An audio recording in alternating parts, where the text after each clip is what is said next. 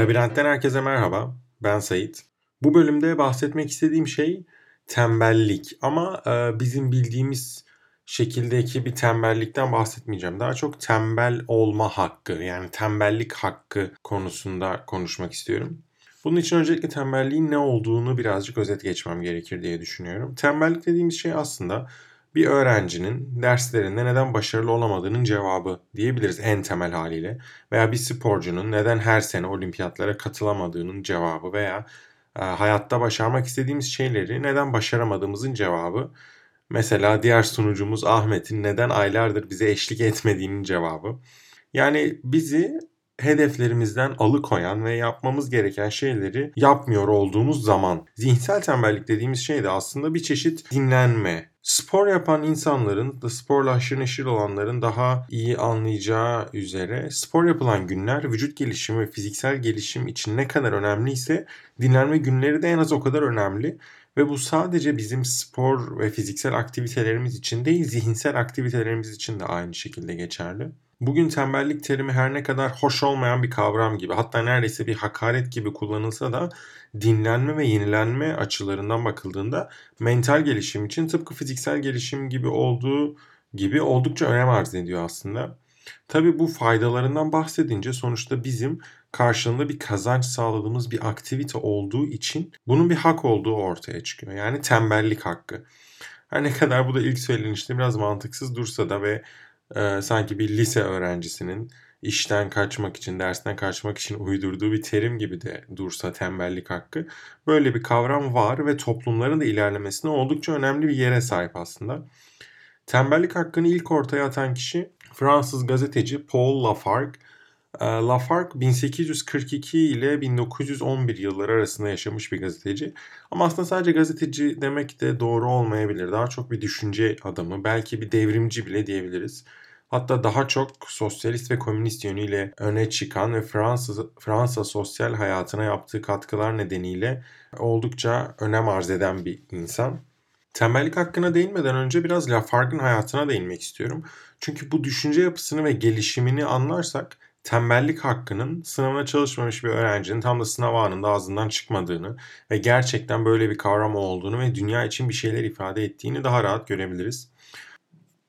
Lafargue ailesinin işlerinden dolayı Küba'da doğmuş ve çocukluğunu burada geçirmiş. İlk öğretimini, eğitimini burada almış. Ailesinin burada bir kahve işletmesi varmış ama bugünümüzdeki kahvehane kültürü gibi değil de daha çok kahve tarımının yapıldığı bir işletmeden bahsediyorum. Burada da çalıştıktan sonra 9 yaşında Fransa'ya göç ediyorlar. Göç podcast'ini hatırlayanlar buradan zaten sağlam bir hikaye çıkacağını sezmiştir diye düşünüyorum. Lafargue burada okula başlıyor ve oldukça başarılı bir öğrenci olarak Paris'e tıp eğitimini almaya gidene kadar Bordeaux'da yaşıyorlar. Zaten tembellik hakkının da bir tıpçıdan çıkmış olması çok da şaşırtıcı değil bence. Aslında asıl hikaye de Lafargue üniversiteye kaydolduktan sonra başlıyor. 1865 yılında uluslararası bir öğrenci kongresine katıldıktan sonra aşırı politik bulunduğu ve akademiye siyaset bulaştırdığı gerekçesiyle Fransa'daki tüm üniversitelerden yasaklanıyor. Yani banlıyor oralara artık giriş giremiyor. Bu nedenle eğitimine devam etmek için Londra'ya göç etmek zorunda kalıyor. Bu da aslında hayatını derinden etkileyen bir değişim diyebiliriz. Burada çünkü Karl Marx ile tanışıyor ve fikirlerinden çok etkileniyor. Hatta Marx'la tanışmadan önce oldukça etkilendiği Proton ki kendisi de anarşizmin kurucusu olan filozoflardan biri olarak bilinir. İlk defa anarşizm kavramından bahseden kişi olarak bilinir Proton'dan. Biraz uzaklaşıp Marx'ın fikri çizgisine yaklaşıyor ve hatta sadece fikri açıdan da değil Marx'ın en sevdiği kızıyla evlenerek ki bu Marx'ın tanımı en sevdiği kızıyla evlenerek aynı aileye bile girmiş oluyor. Karl Marx da zaten Lafargue için ilk tanıştığı andan itibaren yakışıklı, zeki, enerjik ve sportif tanımlarını kullanmış ve onu böyle bulduğunu söylemiş. Karl Marx'ın kızı Laura ve Paul Lafargue arasındaki evliliğin ilk yıllarında doğan 3 çocuk da muhtelif sebeplerden dolayı ölünce Lafargue tıptan soğumuş ve artık tamamen fikri hayatına yönelmiş. O alanda çalışmalar vermeye ve o alanda kendini geliştirmeye başlamış. Ve bu sayede Fransız sosyalizm tarihinde Marksizmi ülkeye getiren ilk düşünür ve eylem adamı olmuş. Yani o dönemdeki dünya için aslında büyük olay ve o dönemdeki Fransa için de çok büyük bir olay aslında bu. Ve hatta daha sonra yazdığı kitaplar Rusya'da onlarca baskı yapmış ve orada da çok ünlenmesini sağlamış. Lafargue tam da sanayi devriminin olduğu zamanlarda yaşadığı için makinalarla insanın ilişkisine değinmiş ve aslında tam da bugün kullanabileceğimiz cümleler kurmuş. O dönem yeni yeni gelişen makinalara ve fabrikalara toplumun aksine oldukça pozitif bakmış ve makinenin insanlığın kurtarıcısı olduğunu, insanı aşağılık ve ücretli işlerden kurtaracak olan, azat eden, boş zaman ve özgürlük veren şey olacağını söylemiş. Bugün yaşadığımız yapay zeka, otomasyon işte insanlık 2.0 dediğimiz ve oldukça büyük bir çoğunluğun aman işlerimiz elimizden gidecek diyerek yaklaştı. Daha doğrusu yaklaşmadığı konulara günümüzden yaklaşık 100 yıl önce çok rasyonel bir yorum getirmiş. Evet, tembellik hakkından ilk bahseden kişi Paul Lafargue ve bunun hakkında yeterli bilgiye sahip olduğumuza göre artık tembellik hakkına değinebiliriz diye düşünüyorum. Paul Lafargue'ın bahsettiği tembellik hakkı aslında sosyal dinlenme. Çünkü o dönemde, o dönemin Fransa'sında çalışma zamanı 10 saat şehirde, 11 saat kırsal alanlarda ve 12 saat fabrikalarda.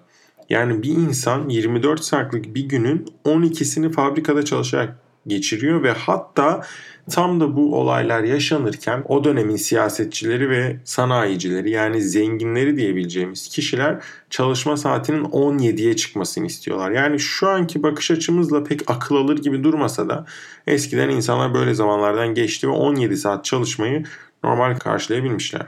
Lafargue ise bu şekilde ücretli çalışmanın aşağılayıcı bir şey olduğunu ve insanların biraz da çalışmayarak yani tembellik yaparak kendileriyle ilgilenmeleri gerektiğini söylemiş o dönemde. Ki bu düşünce de aslında e, ilk defa söylenmiş bir şey değil. Eski Yunan toplumlarında da oldukça yaygın bir fikir.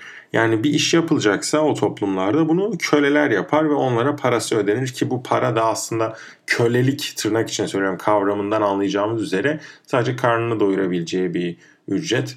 Tabii hiçbir işle uğraşmayan zenginler, elitler ve soylular da kendileriyle ilgilenip fikri yapılarını geliştirebilmiş. Ki baktığımız zaman zaten aradan geçen binlerce yıla rağmen o topraklardan çıkan filozoflar gibi dünyayı etkileyen birileri daha çıkmamış diyebiliriz. Benim bu konudaki fikrim ise daha doğrusu benim bu konudaki tavsiyem ise tembellik hakkınızı nasıl kullanacağınızı çok iyi seçin.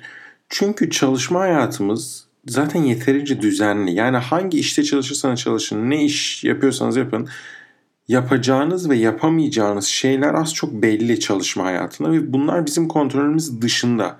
Ancak tembellik yani dinlenme zamanımızın kontrolü tamamen bizde ve nedense en az fikir sahibi olduğumuz, üzerine en az konuştuğumuz konulardan biri de bu. Tembellik zamanınızda neler yapabileceğinizi, neler yapmanız gerektiğini iyi seçin ve bunun size getireceği faydalardan da haberdar olun. Mesela şu an podcast dinliyorsunuz ve muhtemelen bu podcast'i dinlediğiniz için zihinsel bir aktivite yapamıyorsunuz. O zaman bunun gerçekten sizin zamanınıza değmesi gerekir. Veya bir film izlerken, bir kitap okurken, ailenizle zaman geçirirken vesaire aklınıza dinlenme dendiğinde ne geliyorsa onları yaparken o zamanın kalitesinin en az çalışma zamanı kadar önemli olduğunu ve çalışırken gösterdiğiniz özenin çok daha iyisini dinlenme zamanınızın hak ettiğini unutmayın ve hatta en önemlisi bence tembellik hakkınız olduğunu ve bunu kullanmanız gerektiğini unutmayın. Çünkü bu çalışma hayatınızın da daha verimli olmasını ve genel olarak sosyal hayatınızın da hayat kalitenizin de daha artmasını sağlayacak etkenlerden biri bence. Bu bölümde önereceğim aslında ikinci kitap olacak bu. Çünkü birincisi Paul Lafargue'ın Tembellik Hakkı kitabı.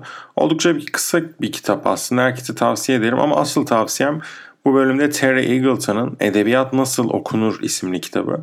İsminden anlaşılacağı üzere bir rehber niyetine yazılmış ve daha çok sohbet havasında ilerleyen bir eser.